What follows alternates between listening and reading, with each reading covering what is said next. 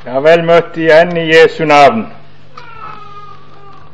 Og emnet er jo fortsatt å vandre i lyset og henge på det nøyeste sammen med det vi var samla om i går.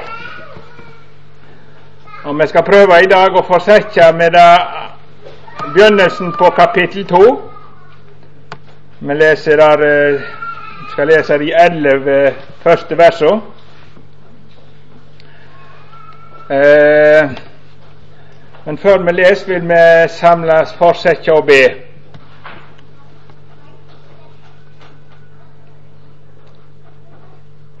Ja, Jesus frelser, vi er her for ditt sannhetsord å høre.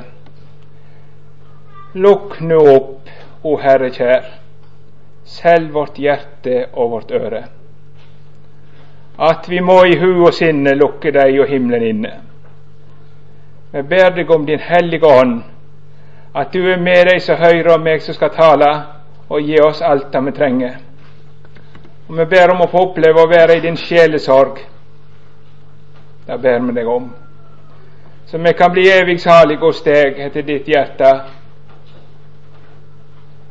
Amen. Ja, første Johannes brev ifra kapittel 2 i Jesu navn. Mine bånd, dette skriver jeg til dykk så det ikke skal synde. Og om, om noen synder har vi en talsmann hjå Faderen, Jesus Kristus den rettferdige. Og han er i soning for syndene våre. Og det er ikke bare for våre, men òg for alle i hele verden. Av dette veit vi at vi har lært å kjenne Han, om vi helt båa Hans. Den som sier 'jeg kjenner Han', og ikke helt båa Hans, han er en løgner, og sanninga er ikke i Han. Men den som helt ordet Hans, i Han har sannelig kjærligheten til Gud blitt fullkommen. Av dette veit vi at vi er i Han. Den som sier seg å være i Han, han er òg skuldig å ferdast slik som Han ferdast. Mine kjære, det er ikke et nytt bud jeg skriver til dykk, men et gammelt, et som det har hatt for først av. Det gamle budet er det ordet som de har hørt. Likevel er det et nytt bud jeg skriver til dykk, og det er sant i Han og i dykk. For mørket vik, og det sanne ljoset skinner alt. Den som sier at han er i ljoset, og som hater bror sin, han er ennå i mørket. Den som elsker bror sin, er i lyset, og ingen støter seg på han. Men den som hater bror sin, han er i mørket og ferdes i mørket. Han veit ikke hvor han går, for mørket har blinda øynene hans. Amen. Ja, det er fortsettet på det temaet som jeg begynte med særlig i andre timen i går. Og som Johannes brev har en kraftig tale til oss om at den sanne tro på Kristus Jesus har det følge, og at du kommer inn i samfunn med Gud, har en følge i livet, nemlig at det fører med seg en vandring i lyset. Det er ikke alle som bekjenner troen, som er sanne kristne, men de som i livet viser seg å være det. Og dette er gitt for at en ikke skal eh, leve på ei innbilt og sjøllaga tru i hovedskallen ei død tru, men så du virkelig skal eie Gud og samfunnet med Han og bli evig salig. Og Derfor er det òg viktig å prøve seg. Er den tru på Kristus som jeg bekjenner meg til, av det slaget som Bibelen taler om, eller er det ikke? Og Da sa jeg altså at eh, når en kommer inn i samfunn med den levende Gud, og lever sammen med Gud, så fører det seg til at du fører Du vandrer, lever livet ditt i lyset. Og hvis du ikke lever livet i lyset, så vitner det om at du ikke lever i samfunn med Gud.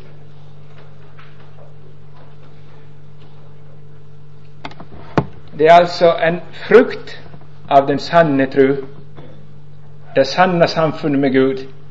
Når du og Gud lever sammen i sannhet, i troa på Jesus, så fører det til seg at du vandrer i lyset. Og da har du samfunn med Gud fortsatt, og du har samfunn med de andre troende. Og Derfor var det at vi skulle mer inn på hva det ville si å vandre i lyset. Og I går snakket vi særlig om den sida at det fører med seg at du sanner din synd. Du må sjøl felle dommen over din synd og flyr til Jesus, søke forlatelse. Synd er ikke noe som går an og som du forsvarer, men noe som du må dømme, sanne, bekjenne for Gud. Men da skal du òg ha full forvissning om at han forlater for Jesus skyld all synd og renser deg fra all urettferdighet. Å vandre i lyset det fører med seg at du sanner din synd for Gud. Er du her, så skjul din synd og nekter din synd. Og ikke vil snakke med din Gud om ditt livsforhold, så vitner det avgjort imot at du er en kristen. Det snakket vi om i går. Nå går han eh, videre til neste hovedpunkt med det å vandre i lyset det fører til en vandring etter Guds bud. Jesu bud, Jesu vilje. Det er umulig å være en kristen uten å ha en hjerteinnstilling. Jeg vil vandre til Jesu vilje. Det er jo den naturen du får når du blir gjenfødt ved Guds hellige ånd har gått mange ganger og kjempa, og det har vært slaveri, og det er mange som har det sånn at det, kristendom det er bud og krav. Og de bærer så tungt på kristendommen. Jeg har båret tungt på troen. For det er sånn skal du være, og sånn skal du være. Og så er det stor ulyst. Det er ikke å tjene Gud i ånd og sannhet. Men så skjedde det med noen av oss at vi fikk møte evangeliet. Så Jesus fikk ropt inn i min sjel at han hadde sletta min synd, at han hadde ordna mitt forhold til Gud, og at jeg var frelst og salig for Jesus skyld. Da skjer det noe, og det skjer alltid. En får hjertens trong til å høre Jesus til. Før en veit ordet av det, så begynner det her inne Kjære Jesus, er det virkelig sant? Det som loven aldri kunne skape, nemlig sann kjærlighet til Jesus, det gjorde evangeliet. Så du fra da av fikk ditt hjertes lyst. Jeg har lyst til å følge Jesus og lye hans bud. Det har vært ditt livsmål. Jeg har ofte brukt fortellingen om David Livingston han kan godt han opp igjen, det tåles det. Han var i Afrika og utforska det indre av Afrika. Da møtte han noen som var gjort til slaver og fanga, og var på vei til kysten. De skulle sendes med skip over til Amerika. Kommer de lenkevandrende. Det noen som hadde overfalt en liten landsby og tatt det som var brukende, og lenka det, og var på vei til kysten en flokk med stakkarer drevet framme med våpen og sveper. Så spør han hva regner det med å få for en sånn slaveflokk? De skulle jo selge det til noen som skulle altså kjøre de med båt over. Ja, han fikk vite en sum. Så spør han er det mulig at jeg kan få kjøpe disse. Ja, da var de ekstra glade, for da slapp de gå til kysten òg. Og så eh, ender det jo sånn på den måten at han legger ut det de krever, og betaler for hele slavefølget. Og de løser de og, og, går sin vei, og David Livingston sier 'løs de fra lenkene'. Og så sier han til dem 'nå er det frie'. Det skal aldri være slaver. Nå kan det gå hvor det vil. Gå hjem igjen. Nå var det visst ødelagt alt hjemme i landsbyen. Og så sier den ene til eh, eller de stammeråd, og så kommer de fram til han og så sier Du har kjøpt oss fri. Du må være en god herre og tjener. Kan vi få være hos deg? Et svakt bilde på hva det vil si. Når du står og forstår at jeg er fri ifra helvete, jeg er fri ifra mine synder, Jesus har ordna mitt forhold til Gud, så jeg får ha det godt med Gud. Da sier du ikke 'ah, da vil jeg igjen og synde'. Aldri. Da sier du 'Jesus, du har kjøpt meg fri'. Du må være en god herre og tjene. Kan jeg få være hos deg? Og så er hjertetrangen 'Jesus skal eie livet mitt', som har kjøpt meg med sitt eget blod. Jeg kan ikke tenke meg å leve uten Han. Det er hjerteinnstillingen. Og det følger alltid den sanne tro. Der en har lyst til å holde Guds bud. Ikke av ytre tvang, men av indre driv. Og har du ikke den trangen, eller skulle det være sånn for deg at du bryr deg ikke om hva Jesus sier, så kommer det av at du eier ikke den sanne tro. Og da må du ikke dåre deg sjøl og bekjenne deg som en kristen. Men da må du omvende deg til Jesus. Du må be om omvendelse. Ja, virkelig. Ja, så er det det som skal være temaet for denne timen, da. Og da begynner han jo sånn med overgang. altså Det var snakk om dersom vi sier at vi ikke har synda. Det fins jo noen som tror de er kommet så langt at de ikke har problemer med synden. Jeg kunne da tro.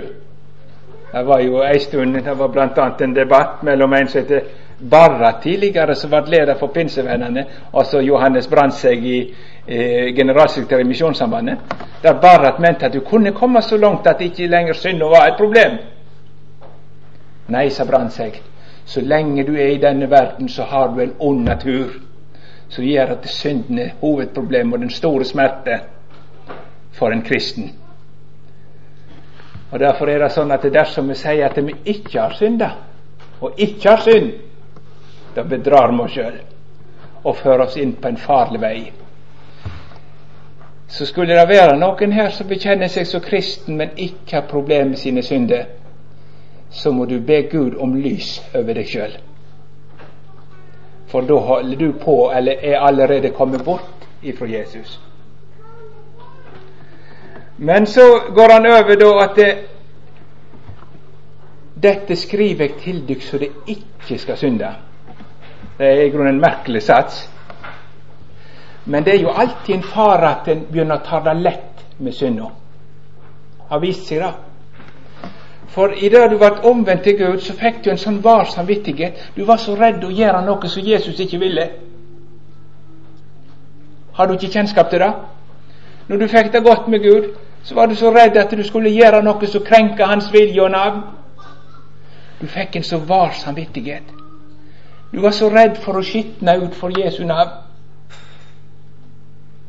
Og så måtte du, når dagen eller kort tid som helst, kom det noe imellom, så måtte du til oppgjør. Kunne ikke ei eneste synd få fred, som du så. Er det sånn fortsatt i ditt liv? Eller er du blitt likegyldig?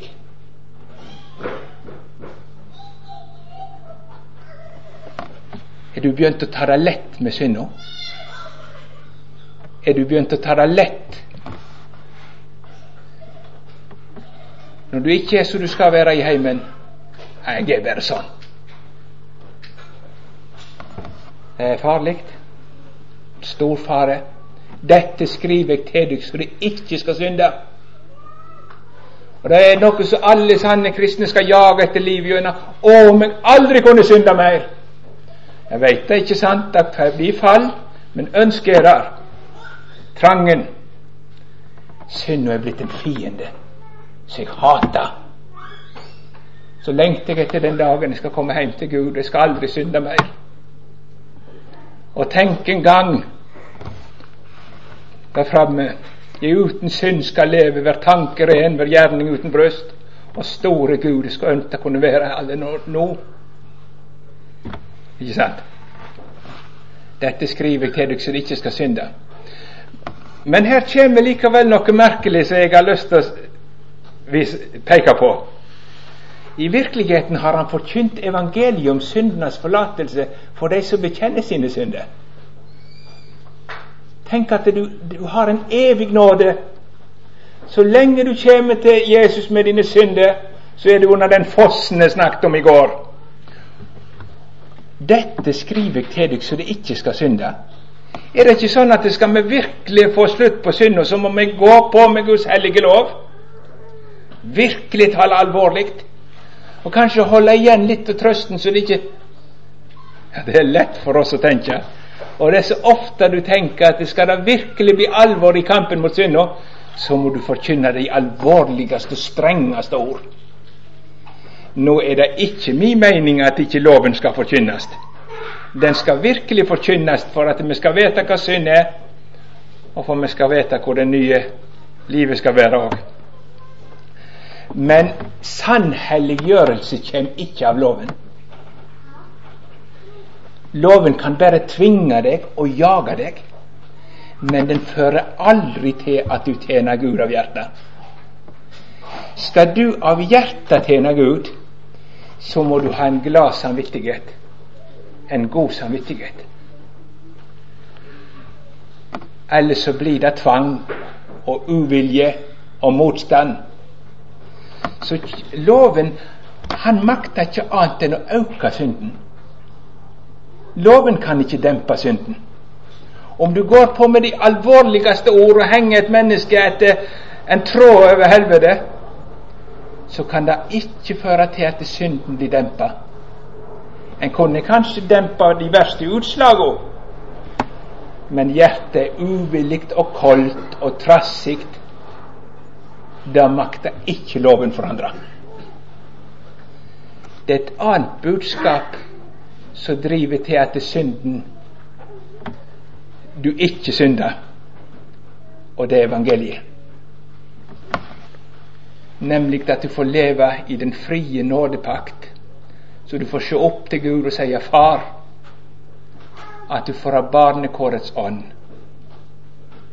Og Derfor forkynner han evangeliet, ikke bare for at du skal få det rett med Gud, men òg for at det skal bli sann helliggjørelse.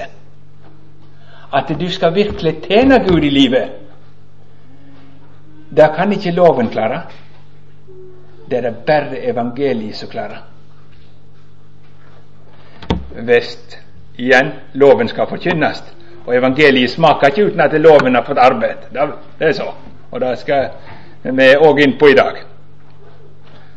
Men eh, hjerteforandringen, ei villig ånd til å tjene Gud, det har ennå ikke loven klart å lage hos noen.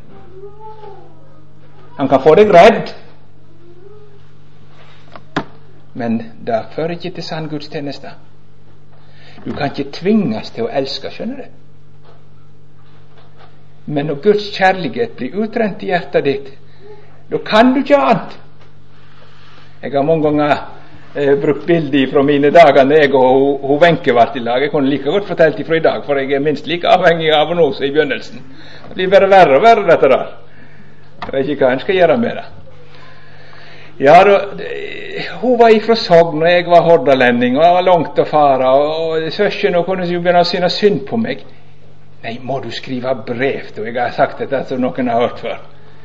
Og må du reise hele denne veien til Sogn? Stakkars mann. Og de søsknene så da på meg at det begynte å bli litt annet i klesveien. Jeg var visst ikke så nøye med det, men når hun begynte å pirke i meg, så måtte jeg jo dresses opp litt, og så kom det ene med det andre. Og de så at det ble forandring. Var det vanskelig? Måtte jeg tvinge meg for å reise til Sogn? Måtte jeg tvinge meg til å ringe til henne? Nei, det var vanskelig å la det være. For kjærligheten er sånn. Og sånn er den sanne gudstjenesta. Fordi jeg har smakt Kristi kjærlighet, så er hjertet trangen. Jesus, jeg må forfølge deg. Hans bud er ikke tunge. Kjøtt og blod er ikke med, gamle Adam. Men etter det nye mennesket så er det hjertetrangen. Men det blir så fort vekke i en kristen sitt liv. Og hvordan går det? Jo, du har kanskje hørt evangeliet og fått sitte inn i det. Og så kom du hjem igjen og inn i det hverdagslige livet, og så gikk det så dårlig. Dagen etter så var du slett ikke åndelig opplagt, og så var du den samme uvillige og kanskje òg uvennlige som du gjerne av og til har vært. Og så merka du at det var ikke som det skulle. Og så var livet sånn at du mista frimodigheten. Og så ble det alt så tungt. Hverdagslivet ødela kristen glede og så går du igjen mørk og uten lyst til det gode, og uten vitnesbyrd og uten kjærlighet. Dine skrøpeligheter tok knekken på frimodigheten, og så ble det så mørkt igjen. Jeg Skal, Gud veit om det ikke er sånn med ganske mange av dere. Det har hørt og det har gledd dere og fryda dere i et kristent budskap. Men så gikk det ei stund i hverdagslivet, og så ble det vekk alt sammen. Og hva er årsaken? Jeg var sløv, jeg var likegyldig, jeg synda, jeg falt. Og så ble det vekke alt sammen. Derfor er det ei hjelp du trenger for å ikke bli trøtt, du som har smakt at Gud er god. Synda behøver ikke ødelegge ditt forhold til Gud. Og den behøver ikke ta ifra deg den kristne frimodigheten. Og da skriver han her Mine barn, dette skriver jeg til deg så du ikke skal synde. Og om noen synder, ja, der har vi hverdagslivet. Jeg hadde ønsket å ikke synde mer. Så gikk det ikke sånn. Jeg synda igjen. Og synda virker alltid forstyrrende inn i kristenlivet. Det går ikke an å si det at den ikke forstyrrer. For det gjør den fordi Gud er fiende mot synden. Og Gud hater synden. Og samvittigheten anklager. Nå har du vært sånn som du ikke skulle. Ja. Men behøver det bli ødelagt? Nei. For da har vi Og nå må du høre godt etter. Du behøver ikke miste motet når du snubler og felt og det går gale. For det er ikke slutt for deg da.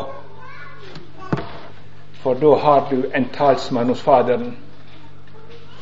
Talsmann kunne nesten vært oversett med forsvarsadvokat.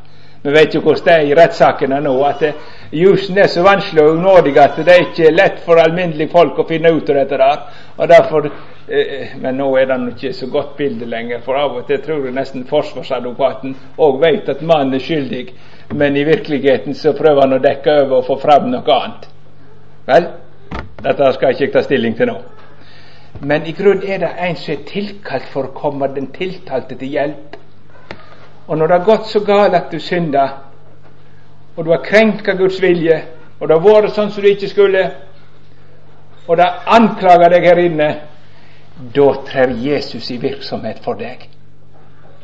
For Jesus er reist like inn til Gud for å ta seg av dine saker hos Gud, så du ikke skal miste Guds vennskap. Da trer forsvarsadvokaten i funksjon. Nå har Øyvind skitna seg ut, og reiser Jesus seg og stiger fram for Faderen. Øyvind må få være fri. Og så viser han så sterke argument. Men først vil jeg bare understreke det uttrykket Jesus Kristus, den rettferdige. Jeg er ikke den rettferdige. i syndeøyeblikket er jeg så absolutt den skyldige. Men jeg slipper stå for Gud og svare for meg sjøl. Men himmelens Gud har gitt meg en forsvarsadvokat, så er den rettferdige. Så svarer til Guds vilje på alle punkt, og han kan gå fram for Gud. Og han blir hørt. En kristen har noe høyere enn sitt eget liv å stå for Gud med. Han har en broder ved Guds side som alltid treder frem for meg. Du store Gud. Og så var det disse argumentene han heller fram. Ingen synd som ikke er gjort opp. Det er betalt. Øyvind må være fri. For det er betalt, det er oppgjort, det er straffa, det er dømt, det er ute av verden. Og derfor kan du i alle dine fall trøstig gå for nådens trone og få miskunn. Forlatelse, full forlatelse. Så du kan fortsette som frimodig kristen. Jesus gjør sånn at du alltid har en åpen vei og en full forlatelse så lenge du i troen henger ved Frelseren. Derfor må du ikke miste motet. Når de kanskje har vært på FBB òg nå, og hvis det er noe som har nådd inn som du har kjent det var godt å høre, og så kommer hverdagen. Det kommer ingen dag for deg når ikke Jesus er i virksomhet. Og nå vil han stå for Gud natt og dag og forsvare deg med sårmerkene, så du skal få ha en åpen himmel natt og dag. Ikke bare når det går godt, men når du feller. Og derfor kan alt som blir forstyrra og ødelagt av synden, gjenopprettes ved syndenes forlatelse. Og du kan fortsette som en frimodig kristen for Jesus skyld. Å, hvor viktig det er! Å, hvor lett å miste den trøsten. På ett vis er Jesus ferdig. Han har fullbrakt. Han har utsona synden. Men dette fullbrakte frelsesverket tok han med innenfor Guds åsyn, og der er han i virksomhet nå. Som forsvarer for sine små, så de alltid må eie Guds nåde. Syne seg nå står det i Hebreabrevet, for Guds åsyn for vår skyld. Nå! Husk det i fallets stund. Husk det når det møsser frimodigheten fordi det er så skrøpelige. Nå står Jesus i himmelen for meg og heller fram så sterke argument at klageren må teie, og dommeren vil at du er frelst og fri og så får jeg full forlatelse. Og så får jeg leve i denne fossen og være frimodig tross mitt fall. Og da fører dette til at du blir ikke liggende, men du fortsatt kan jage etter å holde Guds bud og vilje. Selv om du feller, så trenger du ikke miste motet, men du har den hjertetrangen fortsatt. Jeg jager mot det. Jeg er fortsatt Guds barn ved troen. Og jeg vil så gjerne holde Guds vilje og bud.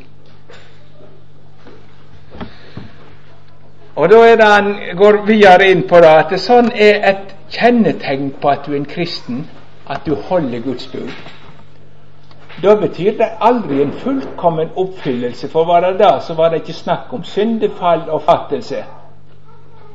Men alltid at Jesu vilje er ditt rettesnor det som bestemmer hvordan du vil leve ditt liv, det kan du ikke stri imot. Og Derfor tenkte jeg jeg skal gå litt mer inn i det i praksis. Her er mange eh, unge og noen barn. Og det hender jo da at eh, jeg, jeg, fikk eh, et bevisst forhold til nåden. Det vi tror at i barnetru som favner Jesus er ei frelsende tru. Likevel er det jo sånn at eh, etter hvert som en vokser til, så blir det personlige erfaringer av synd og nåde. Jeg husker jeg snakket med far min i seksårsalderen om dette med nåden. Og da fryder jeg meg over at vi levde på det samme. Så for meg var det noe forholdsvis tidlig, uten at jeg skal overdrive at det var på bevisst vis. Men det kommer tider det blir vanskelig. Er jeg virkelig en kristen? Er det mor og far som er kristne? Er jeg en kristen? Og så er det så stort når et menneske begynner å få tak i at det gjelder meg. Det er ikke bare far og mor sin Jesus, men det er min Jesus. Det er mitt. Og der må båndene få komme, ellers så blir de over i religiøsitet eller verslighet. Hvis ikke de får gjøre personlige erfaringer, så de kommer til bevisst tro. Det er veldig alvorlig med de som bare hengler med i kristent miljø, men aldri kommer i et bevisst forhold til nåden. Utallige er gått bort ifra Gud. De lever ikke med Gud og mangler alle kjennemerker på sann kristendom. Likevel kan mange av de fortsette å bekjenne seg som kristne. Men si nå at det er en som får sitte at jeg òg er tilgitt. Jeg er rein for Jesus Gud. Jesus har frelst meg. Da får han trong og lyst. Jeg har lyst til å av far og mor, for det sier Jesus. så er jo barna sånn som barna er, at de ofte ikke er sånn som de skulle. De har vært ulydige. Men det de ikke kan, er å fortsette at dette er greit. Jeg har ikke noe med kristenlivet mitt å gjøre. Jeg gjør som jeg sjøl vil. Da viser det at det ikke lenger er samfunn med Gud. Hvis det er sant samfunn med Gud, så blir en på nytt fornya til å et inderlig ønske om å lye far og mor. På dette vet vi at vi kjenner Han, at vi må holde Hans bud. Jeg vil det fordi Jesus er min. Jeg vil lye Jesus. Og det er umulig å være en kristen ungdom uten å rette seg etter dette bud. Da blir det ødelagt med en gang. Og du får ikke en god samvittighet med Gud hvis du ikke bryr deg om hva Jesus sier. Men da vil den som har lært Jesus å kjenne Jesus vil at det skal være god mot far og mor. Og så har du lyst til å gjøre det. Og så trenger du stadig nåde innover ditt liv, for du feller. Men du blir aldri ferdig. Du fortsetter og fortsetter. Og så kommer en i den alder at en skal tenke på nå begynner folk ofte å tenke på det for tidlig. Det er ikke naturlig å finne sin kjæreste i 14-årsalderen. Du skal ikke finne kjæreste før en to-tre år før du kan gifte deg. Det er tida kommet. Så hvis en blir forelska før det, så burde en tenke at det er godt at jeg er et normalt menneske, men det er ingenting jeg skal gjøre noe med ennå. Vente til den timen kommer når jeg er klar for det. Og at det er Guds vilje for da òg vil en at Gud skal ha hånd om. Gud skal ha hånd om hvem jeg skal ha til ektemake. Det skal være etter Hans vilje. Og Derfor kan ikke en kristen spørre verden om hvordan en skal leve sammen som kjærester. Da ødelegges gudslivet. For verden den, det er fritt fram nær sagt når en blir gamle nok til å leve sammen som ektefolk. Og der har en et ideal som er umulig for en kristen å følge hvis en skal leve reint. Ikke i lystens brynde, men i helligelse og ære. Og Derfor må jeg få leve sammen med Jesus i forlovelsestid, forelskelsestid. Jeg må spørre Han. Og hvis det er noe som Jesus ikke har lyst til, så får det være. Og da må en særlig advare mot å innlede forhold til et menneske som ikke er av tro. Må ikke tenke på det engang. Utallige de som har gifta seg bort ifra Gud.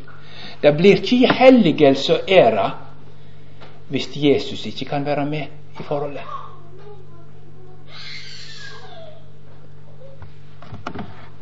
så er det noen som gjør opprør mot Guds vilje. Men det taler ikke godt om at de vandrer i lyset. En annen ting er at det går an å komme til omvendelsessida ved Guds nåde. Men vil ikke du inn i lyset med forholdet, så blir det ikke noe. Da vitner det mot at du er en sann kristen. Hold Hans bud. Ja, kan vi fortsette inn i forholdet i ekteskapet. Er nyttig å tenke. Der har Gud et ord til kvinna i forhold til sin mann. Hun skal vise sin kjærlighet på den måten at hun underordner seg sin mann. Som Herren. Og det står til i alle ting. Det smaker ikke godt for ei kvinne med kjøtt og blod, og mannen er kanskje ikke den klokeste engang. Men den som lever i lyset, han vil følge Jesu bud. Det er Jesus som bestemmer i mitt liv. Jeg ønsker å lye Jesus. Og så må du gå motstrøms i dag, for dette er ikke god latin i vårt samfunn. Og så står det ord til ektemannen at han skal elske sin hustru som Jesus elsker menigheten. Og lever du i Kristi kjærlighet, så blir du ikke så fort ferdig. Da kan du ikke være kald og hard mot henne. Da kan ikke du være likegyldig med hvordan hun har det. Du vandrer i lyset. Du lever i Kristi kjærlighet og er skyldig til ferdast sånn som han ferdast. Så skal hvert et ekteskap være et avbilde av det himmelske sånn. Man lever i strømmen ifra oven. Derfor angår det hverdagslivet å være en sann kristen. Jag etter å holde Guds bud. Jeg vil det. Jeg vil det. Og Det som særlig samler deg i disse avsnittene, eller det avsnittet som vi leser, det er jo eh, broderkjærligheten. Og nå er det ikke noe nytt på den måten at det, det er jo befalt å elske nesten som seg sjøl. Men den kristne menighet, Jesusfolket i denne verden, de som er samla til Jesus Kristus ved evangeliet, de får du et spesielt forhold til. Det vitner om du er en sann kristen. Av dette lenger ute kommer det i brevet. Av dette veit vi at vi Ja, skal, jeg kan lese det som det står. Ja. Vi veit at vi er gått over fra døden til livet fordi vi elsker brødrene. Den som ikke elsker, blir værende i døden. Det er noe med den sanne kristendom. Når du kommer i samfunn med Jesus, der jeg allerede har vært borti, så kommer du i samfunn med de andre kristne. Sånn at de blir ditt folk på en særlig måte, så du er bunden til med liv og sjel. Kan du være likegyldig med de andre kristne så det ikke angår deg hvordan det går med deg, så det er ikke et godt vitnesbyrd om din kristendom.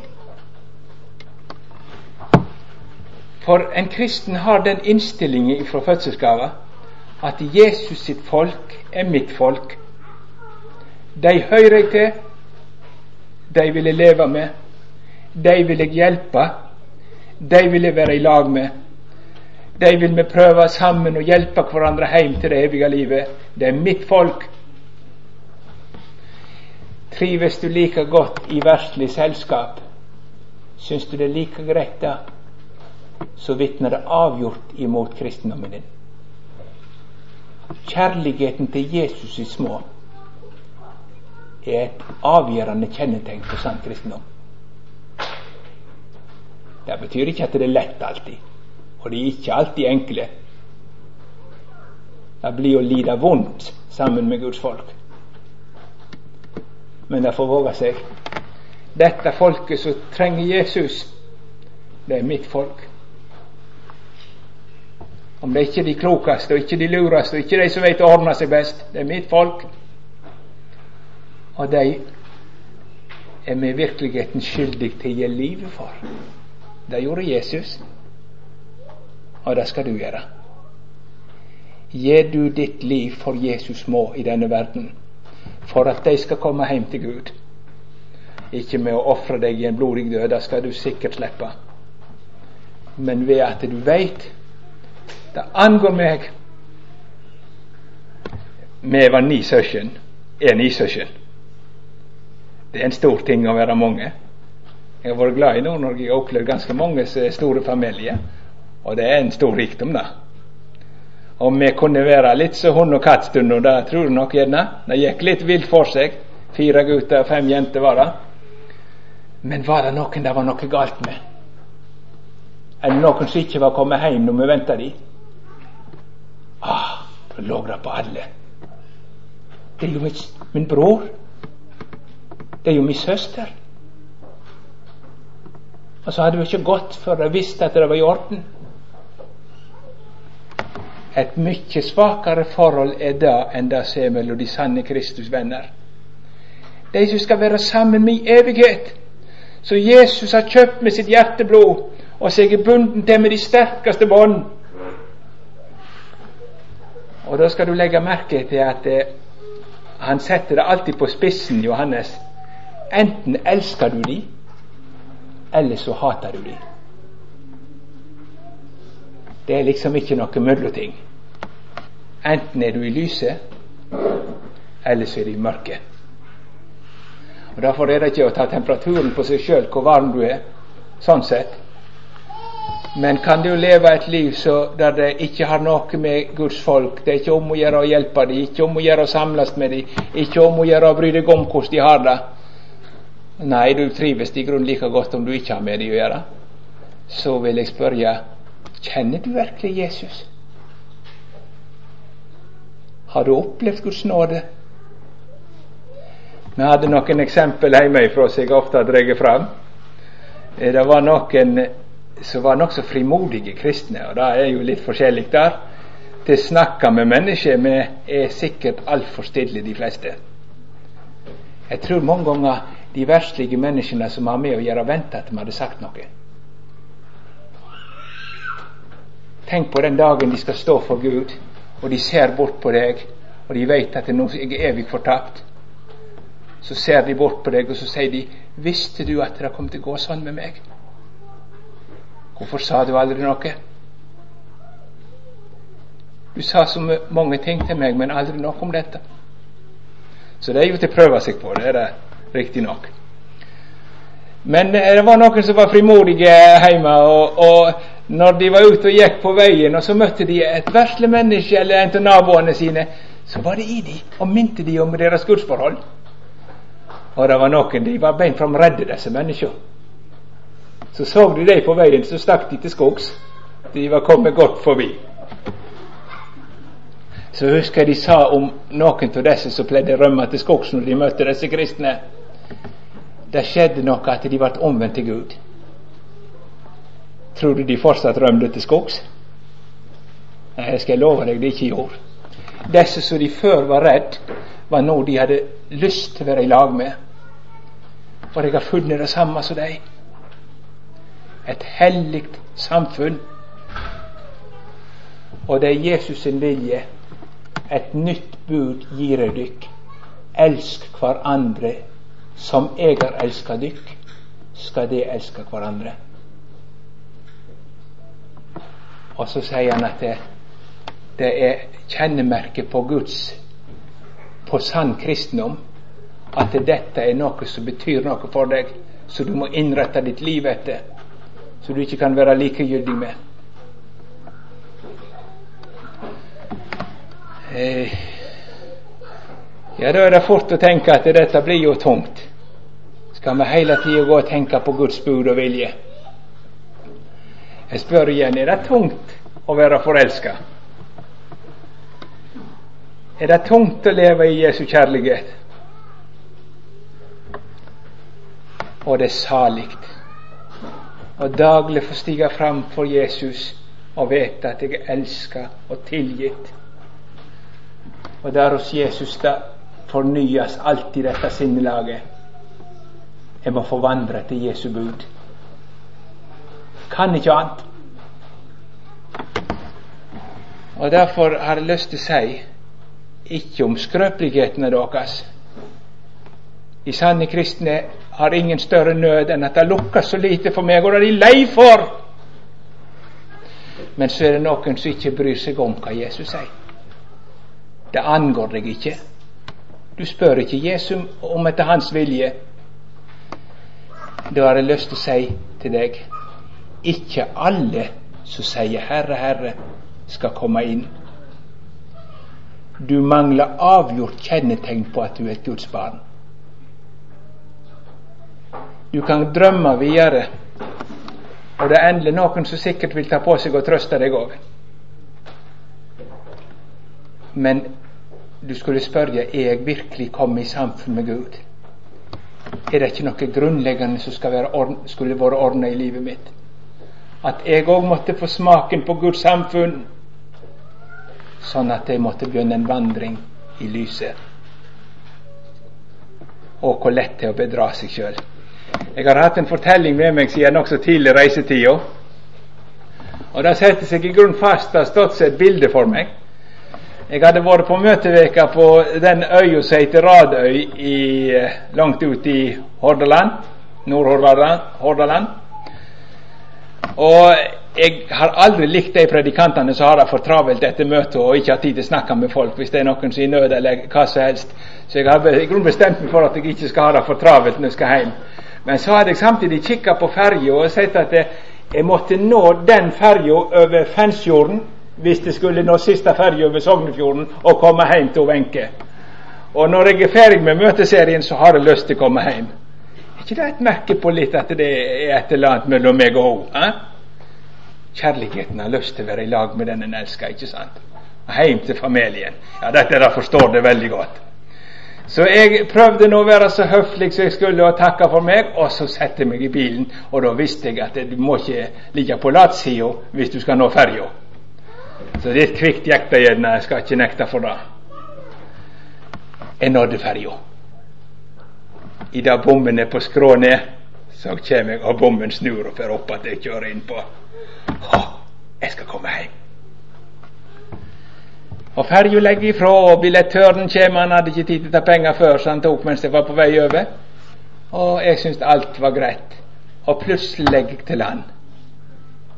Der sto det ikke Sløvåg, som jeg skulle til, men det sto Gråvika. Jeg var faret til Byrknesøy.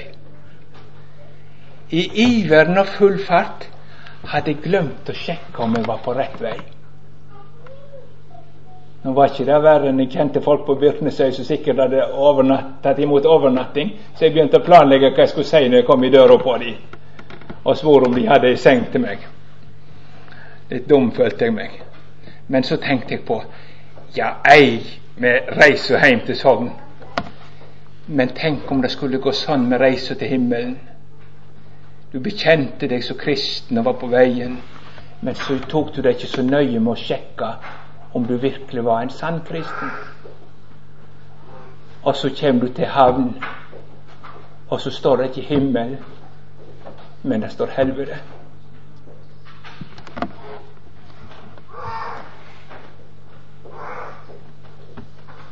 Da er det for seint å kjøpe ny billett.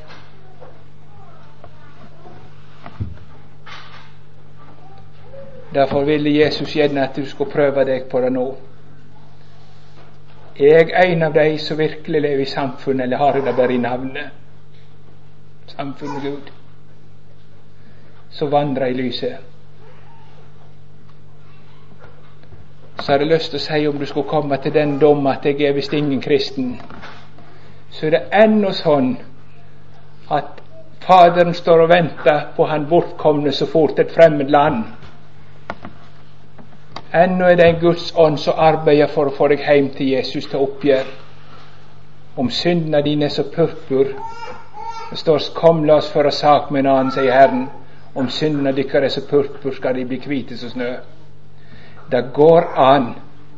Jesus er ennå å nå. Men da må ikke du skyve unna alvoret og si 'det går sikkert bra'. Det var nå visst alvorlig, dette. Men, men da skal du ta Guds ord til hjertet så dømmer Gud kristendommen din til ikke være av rette slaget. så var det bedre du tok dommen nå enn du leser havneskiltet, og det er ingen mulighet mer. Nå gikk det sånn med meg når jeg skulle til Sogn at det var et trekantsamband, så det var bedre enn det så ut til, og snudde og for videre til der jeg skulle. Så jeg kom meg altså hjem for å gjøre den historien ferdig, da. Men eh, en alvorlig tale ble det for meg. Og Derfor har jeg ikke vært så redd for å snakke om kjennetegna. Den som hater sin bror, er ennå i mørket.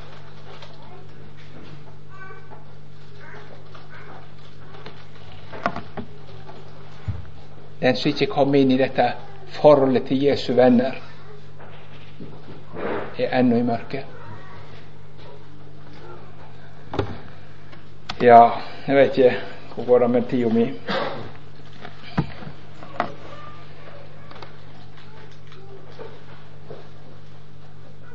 Den sanne kristendommen har følge. Men da må ikke noen tenke at jeg må prøve å legge litt mer vekt på dette som kjærlighet. Jeg må prøve å ta det litt alvorligere med forholdet til nesten min. Ja, det kan du godt gjøre. Men det du først og fremst trenger, er å inn i samfunnet med Gud, så du får et hjerte som vil. Et fornya hjerte. David ber Gi meg, Gud, et reint hjerte. Skap i meg, står et reint hjerte, og forny ei stødig ånd inni meg. Her nytter det ikke med ytre reparasjon og litt mer her og litt mer der, men der det trengs det først og fremst et nytt hjerte. Og hvor skjer det? Ved syndenes forlatelse hos Jesus. Når synderen retser sin båd i sjelen dypest være går, og Jesus kommer med sin nåde og legger den på sjelens år, da slukker sorgen salig ut. Da blir det glede rike Gud. Så skal du først bli en rett kristen, så får du komme til Jesus som en urett kristen, forstå meg rett, som en ugudelig, hjelpeløs synder, og si 'Jeg har ingenting å gjøre, Jesus', men kan du og vil du frelse en makt som meg? Og så er det så Herren forkynner. Du har bare møtt meg med dine synder og brutt meg med dine misgjerninger. Jeg er den som sletter ut misgjerningene dine for min skyld, og syndene dine kommer jeg ikke i hu. Hør du som sitter så kald og død her og veit kanskje mangler alt. Jesus har elsket deg sånn at han har båret dine synder og dødd for deg og kjøpt deg til Gud med sitt blod. Og nå kommer han til deg. Dette gjorde jeg for deg. Høyr. Om syndene dine er som purpur, skal de bli hvite som snø. Og rekkes det forlatelse til deg i Jesus. Kjære Herre Jesus, jeg har lyst til å takke deg for du gikk den tunge veien. Takk for du kunne elske meg sånn. Og Jesus, vil min kjærleik holde av, min frelser, eg deg bed og minn meg om din kross og grav og om Getsemane. Jesus, fest du blikket mitt på deg. Når syndene blir så store og mange at jeg ikke tør tru mitt barnekår, la meg få se Golgata. La meg få se dine naglemerkte hender, så jeg aldri slutter å tro at du har utsona synden. Og når verden frister og vil ha meg bort ifra deg, Herre Jesus, fest du blikket mitt på Golgata, da du kjøpte meg med ditt blod. Så ser du oss som sitter for ditt ansikt, Herre Jesus. Du veit hvem som er sann kristen, og du veit hvem som ikke er det. Herre Gud, jeg ber deg om at du vil ransake den enkelte og leie oss på evighetens vei, så vi får være evig sammen med som var det her på jord. Og så ber jeg deg for de som er dine sanne barn, at ikke må trøtne i kjærlighet og omtanke for hverandre, men hjelpe hverandre i denne harde tid, så vi kan nå salig heim, og der alt skal være godt, Jeg ber meg om Amen.